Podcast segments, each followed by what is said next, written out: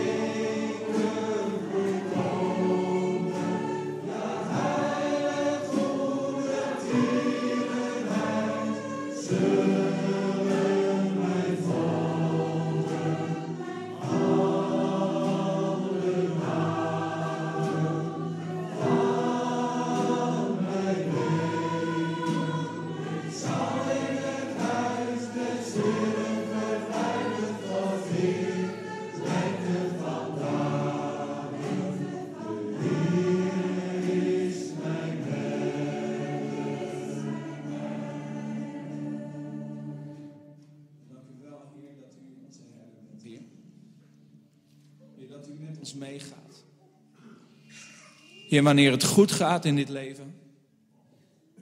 Heer, wanneer we op de bergtop staan.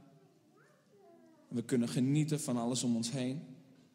Maar ook wanneer het door het dal heen gaan en heen moeten. Heer, dan bent u daar. Heer, en ik wil u daarvoor prijzen en danken, Heer, dat, dat u altijd bij ons bent, Heer. Dat u ons niet loslaat. Heer, dat u trouw blijft, zelfs wanneer wij ontrouw zijn.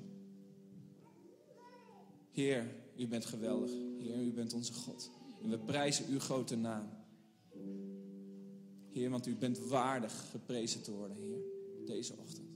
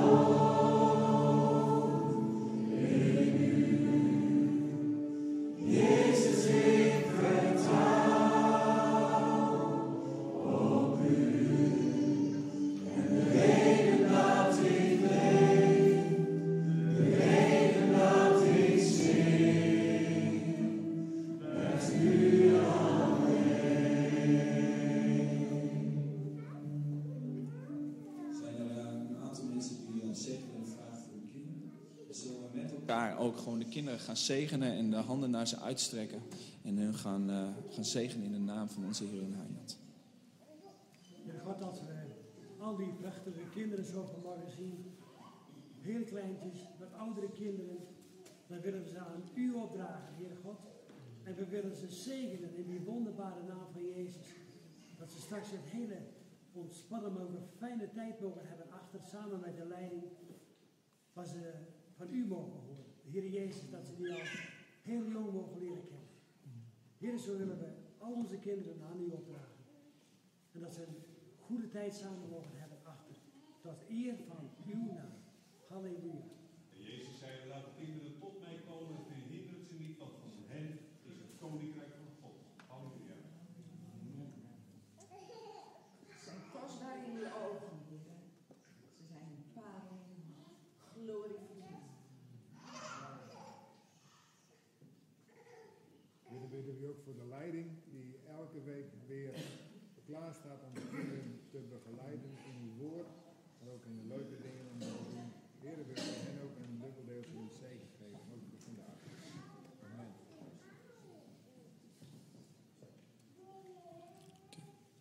Amen. Dan eh, mogen de kinderen mogen naar hun eigen samenkomst.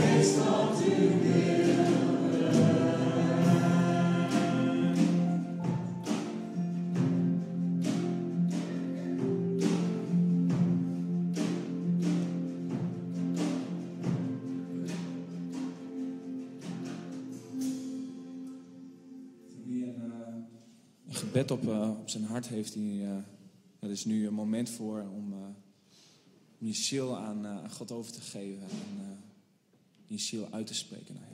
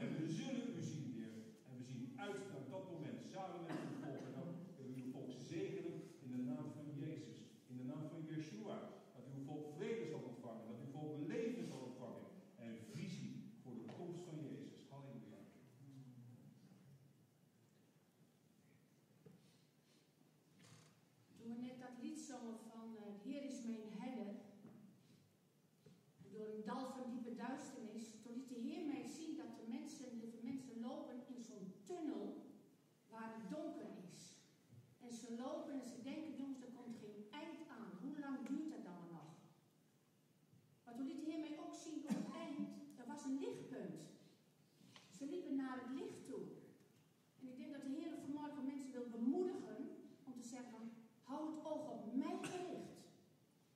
Zie niet toe, kijk niet naar de omstandigheden, maar hou het op mij gericht. Ik denk dat de Heer dat vanmorgen tegen mensen. De Heer die, eh, die toonde mij een beeld van een eh, grote rivier waar een hele grote, eh, groot schip in, tegen de stroom op probeerde te komen. En wat me opviel is, er waren ook kleine bootjes die met een touw vast zaten aan die grote boot. En die zo met de grote boot de, in de stroom opkwamen. En er was ook een heel klein bootje bij, die, die niet vast zat aan die grote boot. En die alleen maar voortploeterde om tegen de stroom in te komen. En mijn kind, zo zegt de Heer, ik zie jou ploeteren, ik zie jou worstelen om tegen de stroom op te komen. Maar zie, ik heb je een gemeente gegeven waar je je aan vast kunt klammen en waar je mee verder kunt. Die je willen helpen om tegen de stroom in te, te varen. Ik heb je de gegeven en geef daar acht op.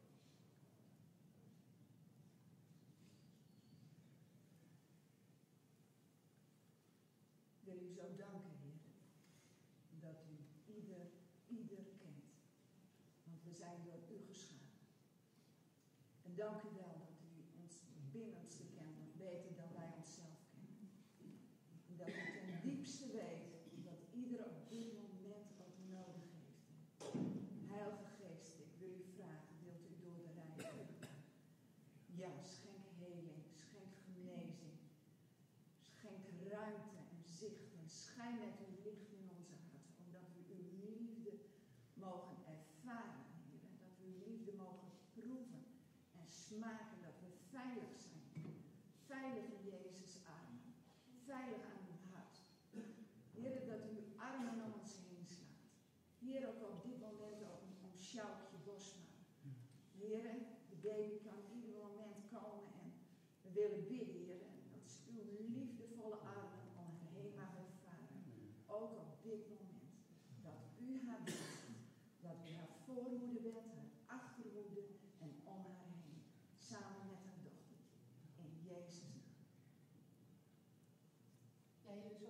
Duncan did a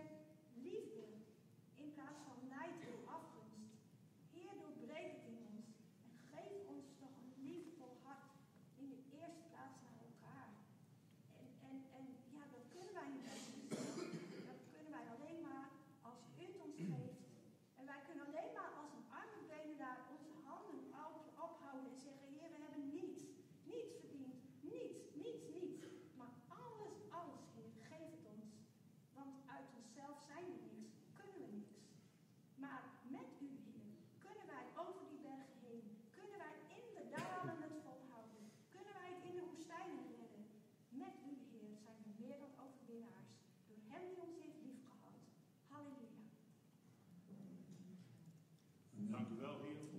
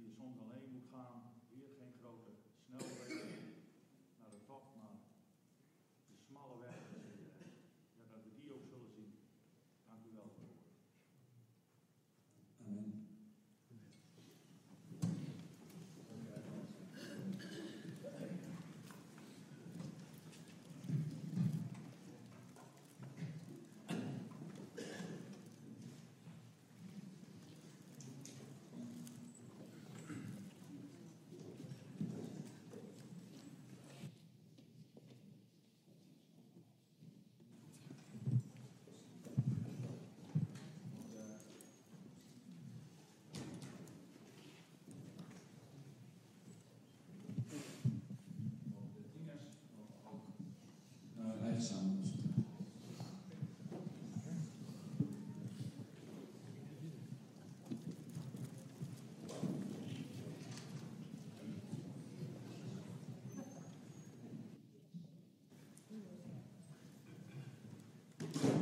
Ik las ergens eh, de volgende woorden.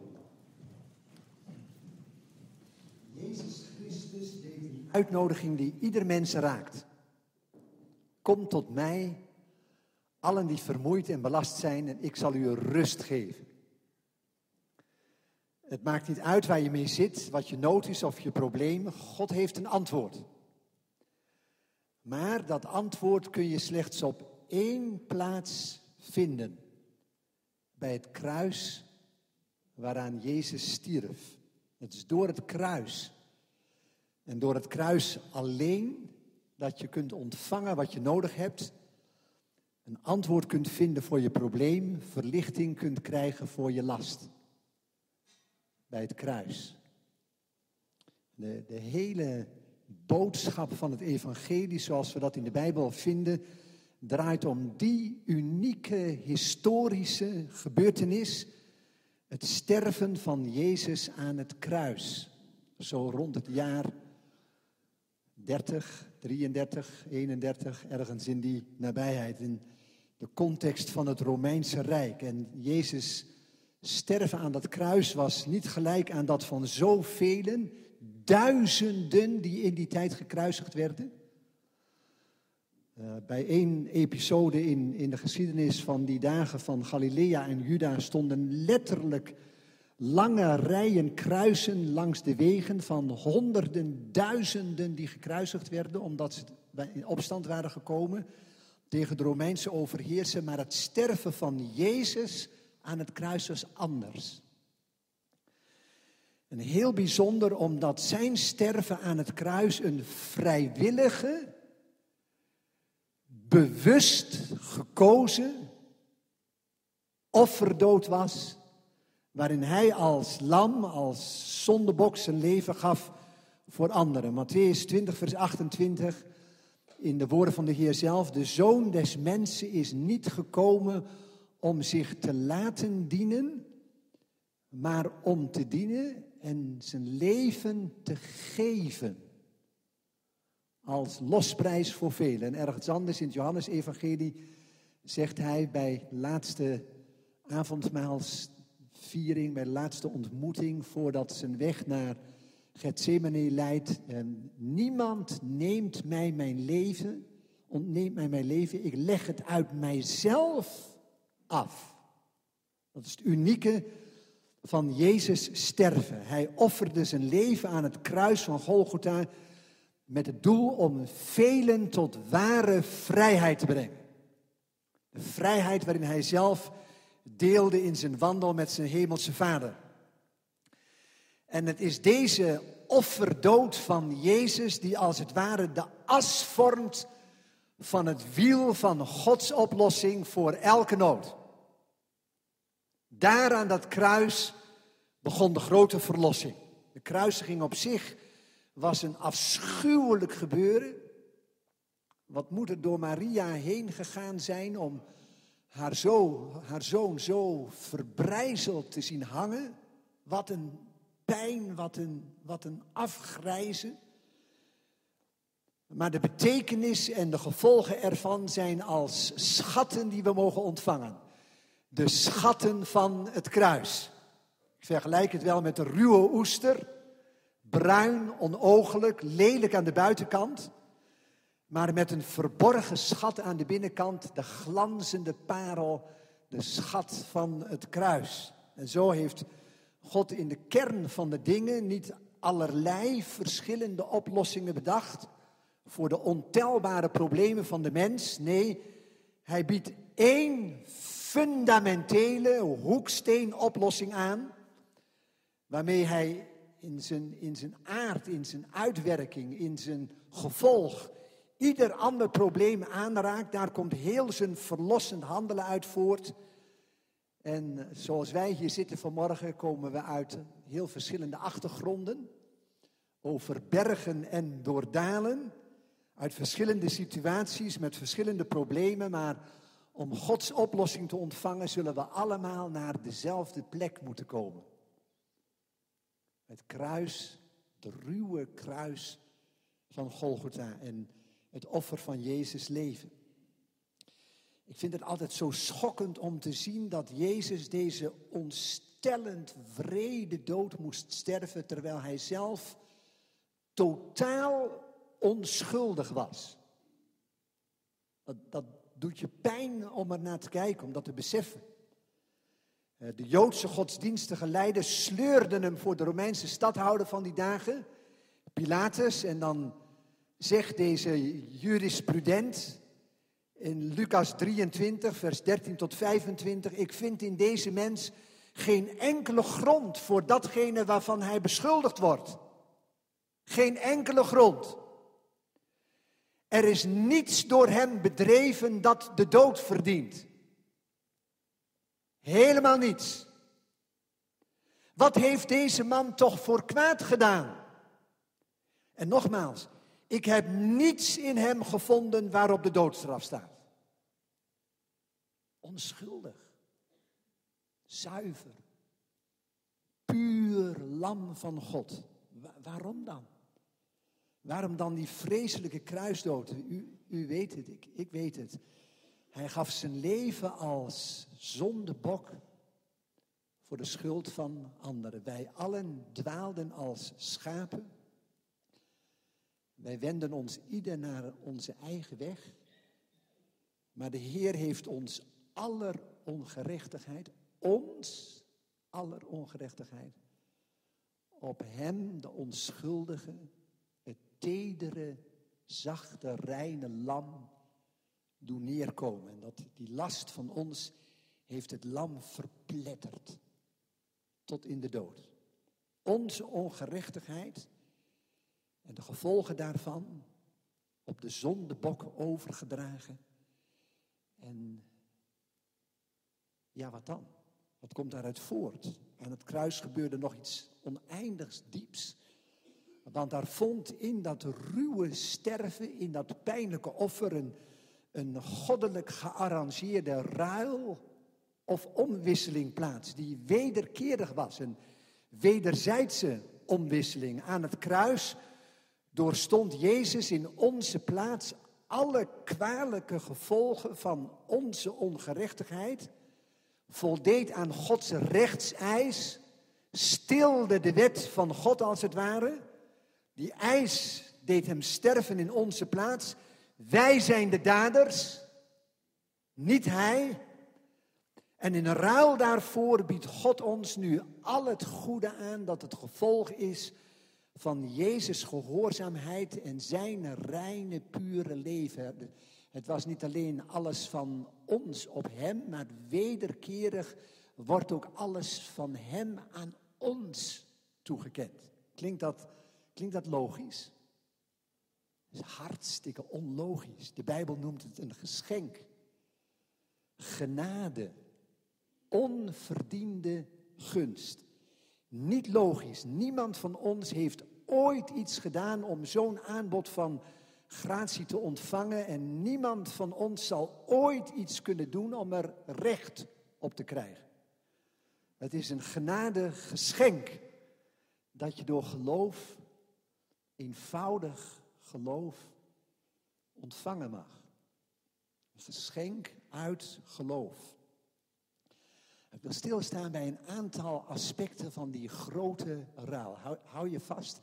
Ik ga niet één parel tevoorschijn brengen uit de oester, maar dit is een heel bijzondere oester. En ik ga zeven parels laten glanzen. Een, als beeld van een volle parel, een volheid van effect, van resultaat, van gevolg, van betekenis van zijn ruwe sterven aan het kruis. Allereerst die twee parels die zo nauw met elkaar verbonden zijn vergeving en genezing.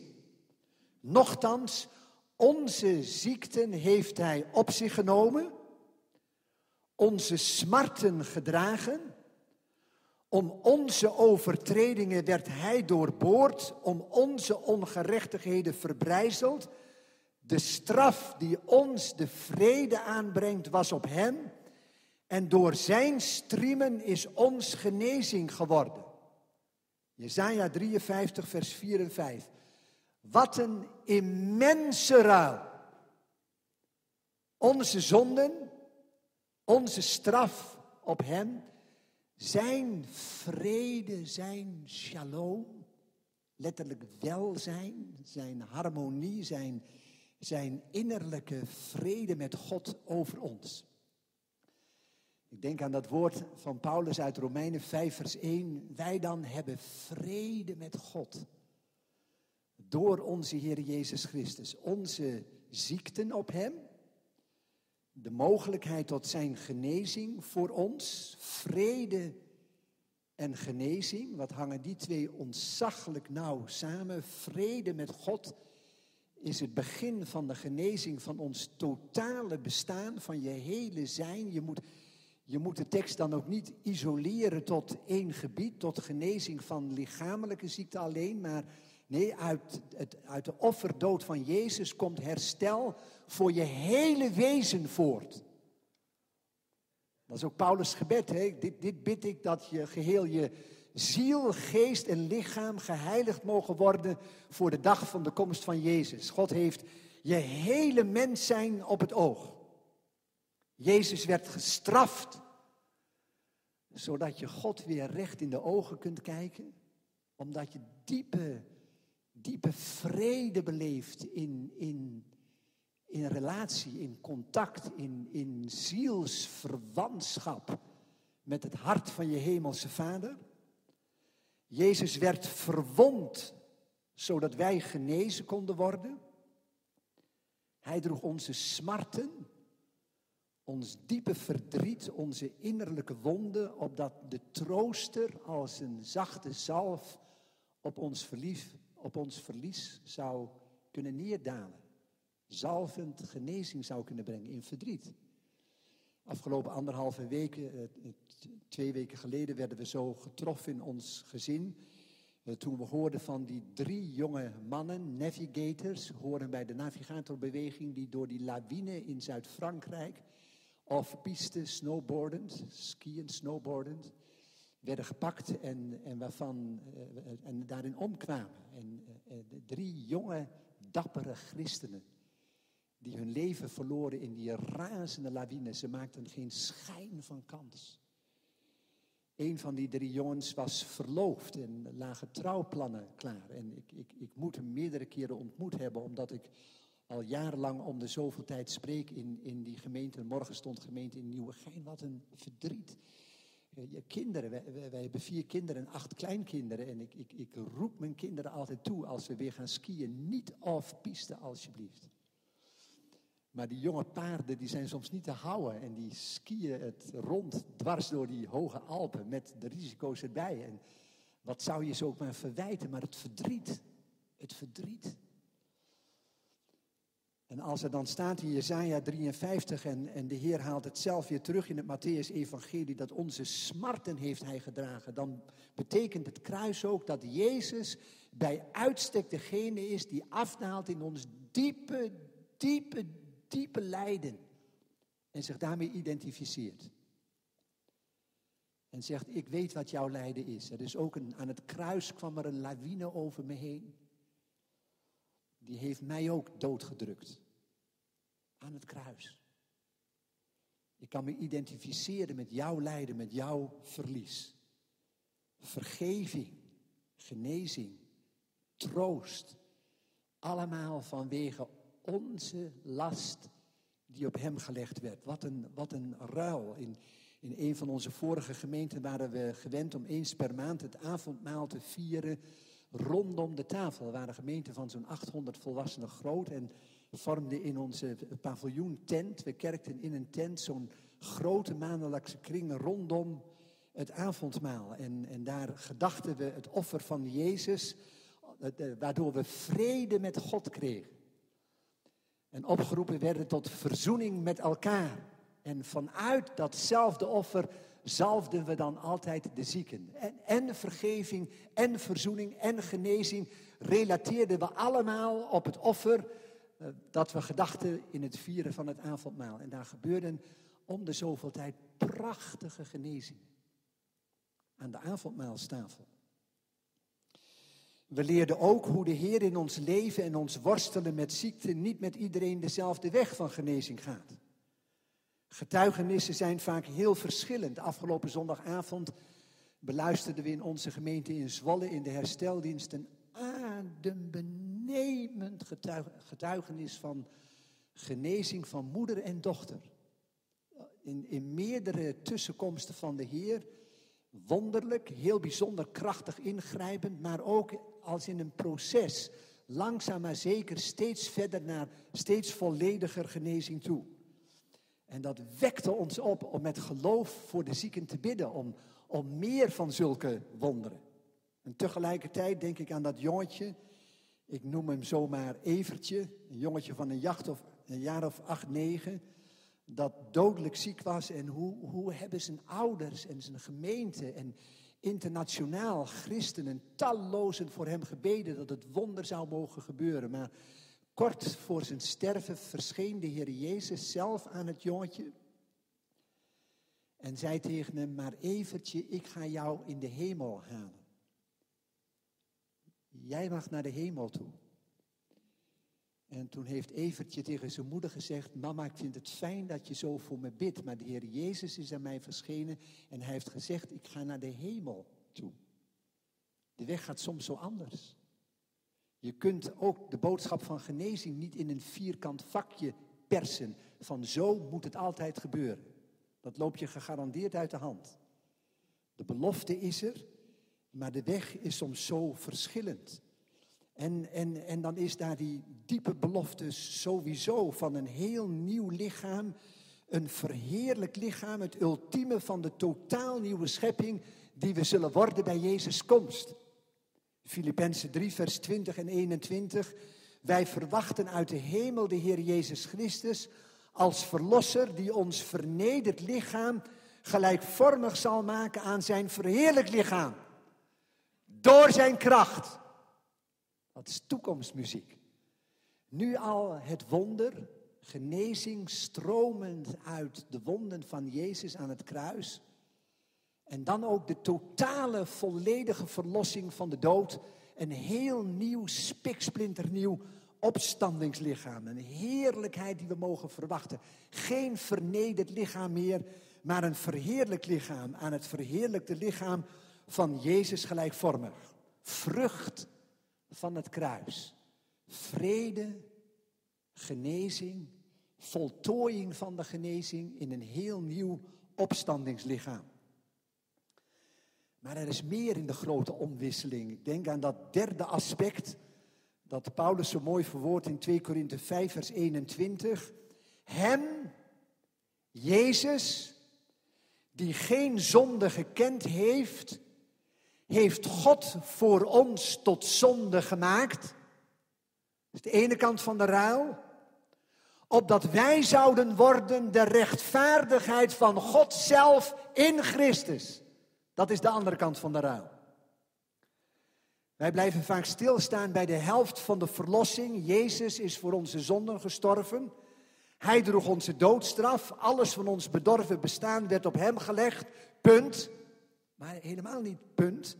We zijn pas op de helft van de ruil, want vervolgens wordt alles van wie Jezus is op ons gelegd, aan ons toegerekend. Hij werd met onze zwartheid geïdentificeerd en stierf. Wij worden vervolgens met zijn rechtvaardigheid, zijn genade, zijn wezen met hemzelf bekleed. Hij stierf naakt. Wij leven bekleed met hem en in hem voor glorie bestemd. Eh, Paulus trekt de doop ook in die betekenis als hij zegt in Galaten 3, vers 27. Allen die in Christus gedoopt zijn, hebben zich met Christus bekleed. U zit hier majesteitelijk. Soms zo'n dubbelwerkelijkheid, want je ervaart ook die, die gebrokenheid van je bestaan, waar je soms zo diep doorheen kunt gaan. We, we, zeggen dan soms in de theologie, juridisch ligt het al vast. Je bent een gezegende, aangenomene, aanvaarde in Christus. Maar dat moet nog uitwerken en doorwerken, elke dag uitstromen in je medische werkelijkheid waarin je nog gebrokenheid ervaart. Steeds meer vervuld. Daarom zingen we ook, maak me rein voor u.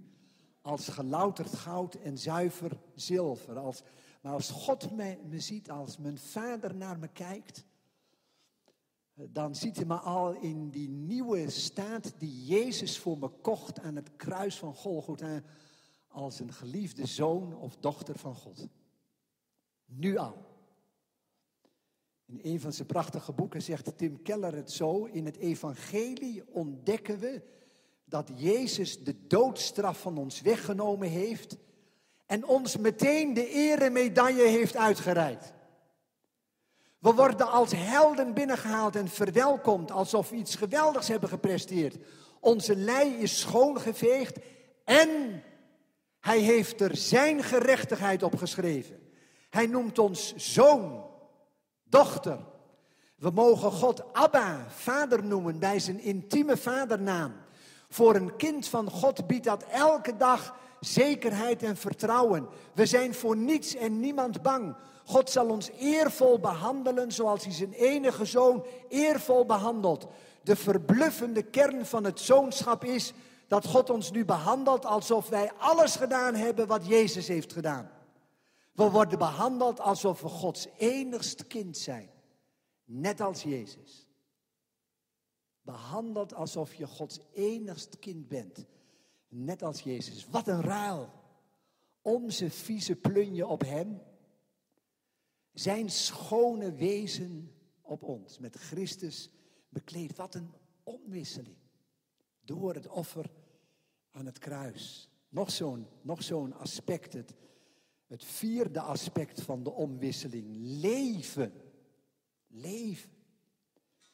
In de hele Bijbel staat op zonde uiteindelijk de doodstraf. Ezekiel zegt, de ziel die zondigt, die zal sterven. En Jacobus, als de zonde volgroeid is, brengt ze de dood voort. Zegt iets over het drama van de zonde. Maar Jezus kwam naar de aarde, zegt de Hebreeënbrief, om voor een ieder de dood te ondergaan. Hij stierf mijn sterven. Onontkoombaar gevolg van mijn zonde. En als gevolg biedt Jezus nu het geschenk aan van eeuwig leven. Eeuwig leven. Je, je geest kan niet meer sterven. En dat is niet alleen eeuwig leven in de tijd gemeten.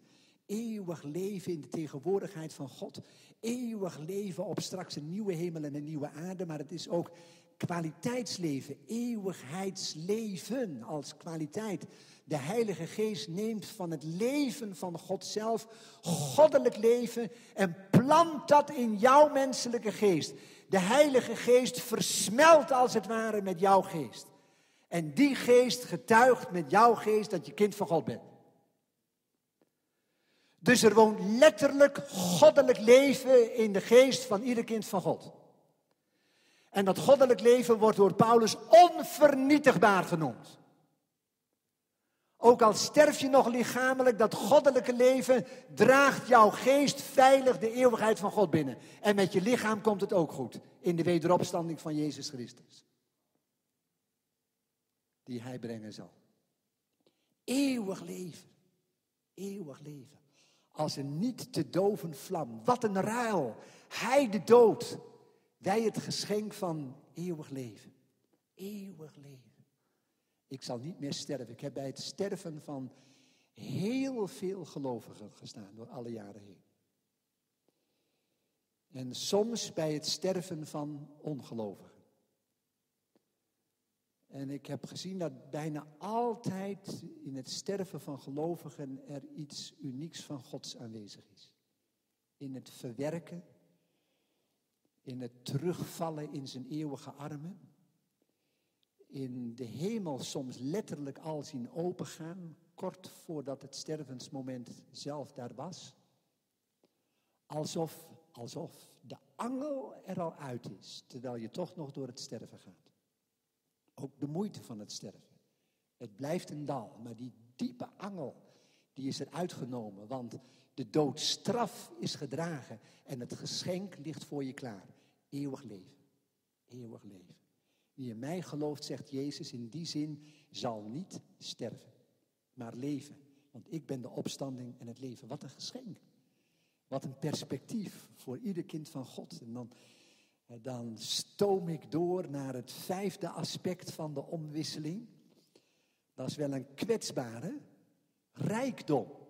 Rijkdom. Gij kent immers de genade van onze Heer Jezus Christus dat hij voor u arm is geworden terwijl hij rijk was, opdat u door zijn armoede rijk zoudt worden.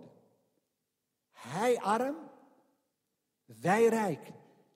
Hij arm aan het kruis tot naakt sterven toe. Hij wordt op plaatjes zo vaak zo mooi geschilderd met een keurig lendendoekje om. Nou vergeet het maar, hij stierf naakt. Zijn armste moment. In een geleende mantel werd hij begraven in een geleend graf. En de rijkdom die daaruit voortkomt is oneindig. Oneindig. Maar tegelijkertijd de kanttekening erbij in de nadruk van het Nieuwe Testament. Niet allereerst materieel van aard. Maar geestelijk van aard. De Bijbel benadrukt behoorlijk krachtig dat we in materieel opzicht geen schatten op aarde moeten verzamelen, maar veel meer gericht moeten zijn op het verzamelen van schatten voor de eeuwigheid. Want, zegt Oude Testament en Nieuwe Testament, de tegenwoordige wereld zal verdwijnen. Gaat voorbij. Zegt zelfs, gaat binnenkort voorbij. Waar ligt je ware schat? Terwijl rijkdom in dit leven een zegen kan zijn, maar met de krachtige oproep om daar goed mee te doen. Om goed te doen met de zegen van de rijkdom, maar, maar daar niet je hart aan te verpanden. Want er is een hogere verzamelplaats van schatten in, in de eeuwigheid bij God. Eenmaal hoorde ik een aangrijpend getuigenis van een vrouw die was opgegroeid op de vuilnisbelt van Mexico City. In een gelovig maar straatarm gezin. En ze vertelde daar stralend. was in een Billy Graham conferentie in Manila in 1992. En stralend vertelde ze dat ze daar op die, op die vuilnisbelten zo'n gelukkige jeugd had gehad. Zulke mooie kinderjaren en zo'n goede gezinsachtergrond. Ze waren hartstikke rijk terwijl ze straatarm waren. Een rijkdom aan liefde van God, een rijkdom aan vrede van God. Een rijkdom aan geloof, een rijkdom aan gezinsharmonie, een rijkdom aan vreugde, een rijkdom aan gastvrijheid, een rijkdom om hun schat te delen met vele anderen daar op de vuilnisbelt. Erg gelukkig met een eeuwige stank, dag en nacht, waarin ze moesten leven. Rijk in elk opzicht, behalve materieel. Uh, toch geloof ik ook dat je de Heer mag vragen om voor je te zorgen in je materiële noden. Geef me heden mijn dagelijks brood. Maar Paulus roept daarin op tot snelle tevredenheid over datgene wat je nodig hebt. De duiding is wat je nodig hebt. Els en ik hebben jaren geleefd zonder een vast salaris, uit minimum, minimum inkomsten. En we werden er vaak toe gedwongen om op, op, op, onze knieën te bidden om, om, om een auto. Dat hadden we op een gegeven moment zo verschrikkelijk nodig. Ik kon niet meer goed met mijn bediening weg als we geen auto hadden. En zonder dat dat echtpaar ervan wist, kregen we heel schattig een schitterend, gloednieuw, lelijk eentje. Lelijk eentje, een 2 CV6, onze, onze eerste eigen autootje. We beleefden dat als een geschenk van God, een 2 CV6. Samen met ons eerste dochtertje reden we, krosten het hele land door. Het was af en toe zo moeilijk om twee van die achter elkaar rijdende zware vrachtwagens in te halen. Als je, als je dan ook nog tegenwind had. Ik had mijn gaspedaal tot op de bodem en het, ik, ik haalde ze bijna niet in. En op een gegeven ogenblik had ik ze bijna ingehaald en toen hing er zo'n witte Porsche achter me. En moest ik aan de kant gaan staan. En, en die, die, die, uh, die uh, zei het zo aandoenlijk tegen me. Hij keek me bijna medelijdend aan. En hij zei tegen me, meneer, u zult toch moeten aanvaarden dat u maar een klein, geel, lelijk eentje bent. Met andere, weer, andere, woorden, probeer het gewoon niet. Je, je, je, je randsnelheid is zo 100 en, en, tegen de 90 valt het terug op de 10. Op de, op de, op de, uh, is 110 en bij wind tegen valt het terug op 70, 80, 90. Dus voeg je netjes achter de zware vrachtwagens. Maar voor ons was het een voorziening uit de hemel. Ik, ik weet nog dat we in Amerika rondzwierven en we hadden een beetje vergeten om over de financiële kant van het geheel na te denken. Dus We waren net getrouwd en we hadden een honeymoon met weinig geld. En we baden om spreekbeurten in, in kerken en kringen. En dan konden we net weer eh, de volgende tank volgieten en het volgende hapje broccoli eh, eh, halen bij de een of andere supermarkt. Broccoli kauwend naar de volgende afspraak. En Elsa raakte al vrij snel zwa- zwanger. En op een gegeven moment zei ze tegen mij: Auke, ik, ik pas niet meer in, in, in mijn rok, in mijn jurk. En, en wa- wat, ik, heb een, ik heb een zwangerschapjurk nodig. Wat, wat moeten we daar nou mee? Ik vond dat het nog wel meeviel, dat, ze, dat er niet zoveel te zien was. Maar zij had echt een nieuwe jurk nodig. En, en diezelfde dag aten we bij een voorgangers-echtpaar.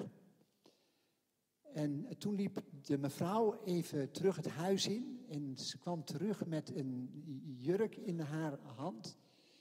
Prachtige jurk. En ze zei tegen Els, het was net alsof de Heilige Geest zo even tegen me zei... dat ik deze nieuwe jurk die ik gisteren gekocht heb aan jou moest geven. Dat is feilloos. Dat is feilloos. Het paste ook feilloos. Ze kon er de volgende maanden precies in doorgroeien, totdat we weer in Nederland waren en enigszins normaal begonnen te leven. En bij de krapte om het nodige en het gebed daarvoor hebben we jarenlang ervaren dat de Heer feilloos voorzag. En we voelden ons rijk, terwijl we helemaal niet zo rijk waren. En materieel eigenlijk vrij eenvoudig leefden. We voelden ons rijk in Hem, armoede en rijkdom. En onze rijkdom kwam voort uit de armoede van Jezus. Paste in de grote ruil. Wat een omwisseling. En verder, zo zou ik verder kunnen gaan met de grote ruil. Het zesde aspect. Jezus werd door God afgewezen en verworpen. Omstreeks het negende uur riep Jezus met luide stem en, en hij zei, Eli, Eli, lama sabachthani, dat is mijn God, mijn God, waarom hebt u mij verlaten? Waarom? Omdat hij zo geïdentificeerd, zo zwart gemaakt was door wie wij waren, dat God hem wel moest verwerpen en afwijzen in zijn doodstraf in onze plaats. Daarom werd hij afgewezen. Maar toen hij daaraan stierf, scheurde het voorhangsel van de tempel van boven tot beneden in tweeën. En uit het allerheiligste klonk, zo, zo verbeeld ik me dat maar, voeg ik het aan de tekst toe. Uit uit het allerheiligste schalde de stem van God. Welkom thuis, mijn zoon, mijn dochter. Kom binnen in het feest van je Heer. Zijn afwijzing, onze aanneming. Je mag er zijn. Bekleed en wel.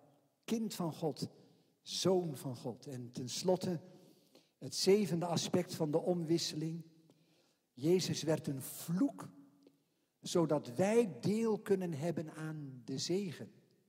Christus heeft ons vrijgekocht van de vloek van de wet van God door voor ons een vloek te worden. Want er staat geschreven, vervloekt is een ieder die aan het hout hangt. Zo is de zegen van Abraham tot ons heidenen gekomen in Christus Jezus. En mogen wij nu de belofte van de geest ontvangen door het geloof in Jezus. Hij de vloek, de vloek van God, omdat de wet van God beantwoord moest worden. Wij de zegen van Abraham die concretiseert in de gave van de Heilige Geest. Wat een ruil. Je bent een gezegend mens. De Heilige Geest is ook voor jou gekomen. Hij is deel van de grote ruil van het kruis. Wat een ruil. De schatten van het kruis. God heeft in hem afgerekend met alles wat wij zijn. Nu rekent God ons alles toe wat Hij is. God zag Hem aan zoals wij zijn. Nu ziet God ons aan zoals Hij is. God heeft Hem behandeld zoals wij hadden verdiend. Nu behandelt God ons zoals Hij heeft verdiend. Hij nam onze plaats in met alle consequenties. Nu nemen wij Zijn plaats in met alle consequenties. Hij ging de duisternis in, wij het eeuwige licht. Hij wordt, werd van God verlaten, zodat Gods tegenwoordigheid altijd met ons zou zijn.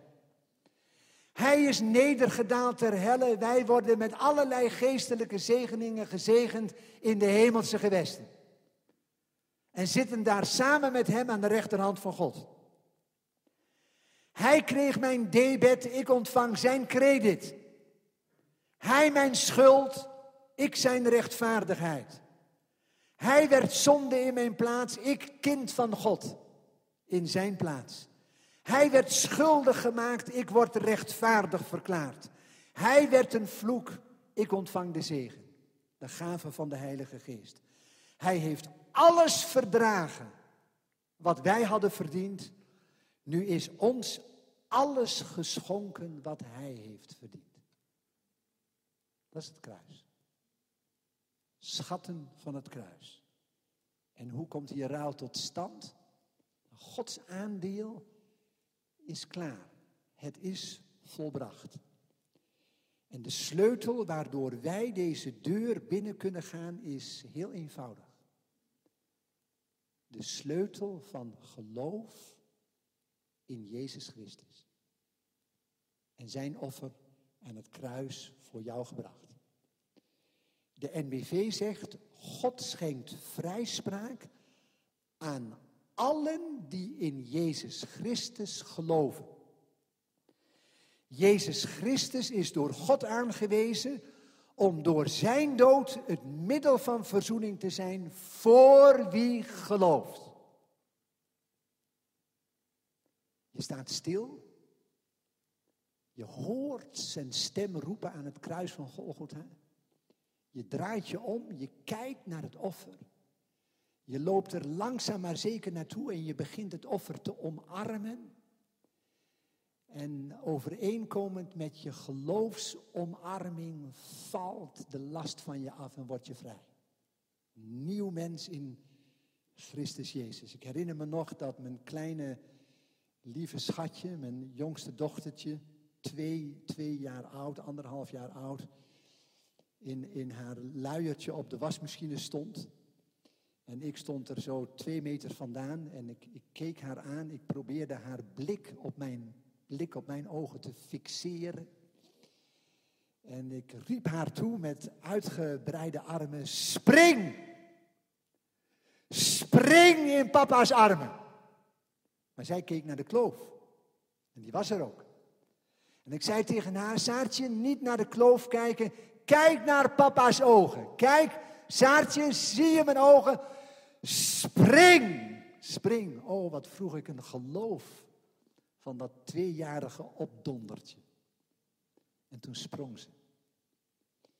Sneller dan de bliksem deed ik een stap naar voren, dus ik haalde er een metertje vanaf. En toen heb ik er opgevangen en aan mijn hart gevouwen, als het ware. Mijn kleine geloofsheldin.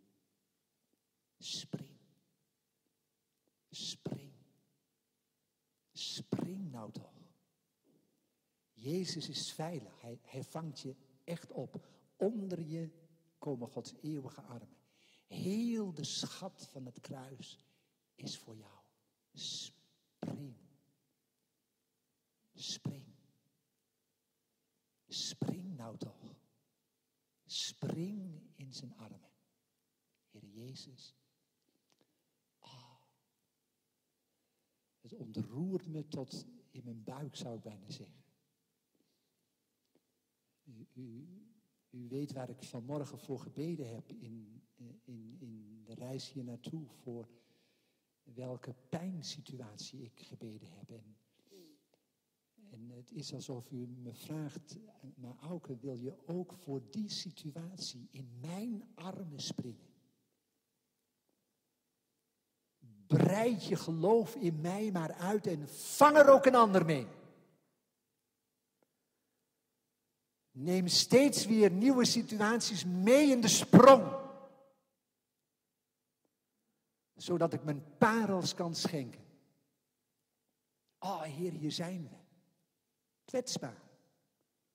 De uitnodiging van het kruis. Om tot de grote ruil te komen. En alle dag mag ik weer zeggen, Heer, alles van mij op u.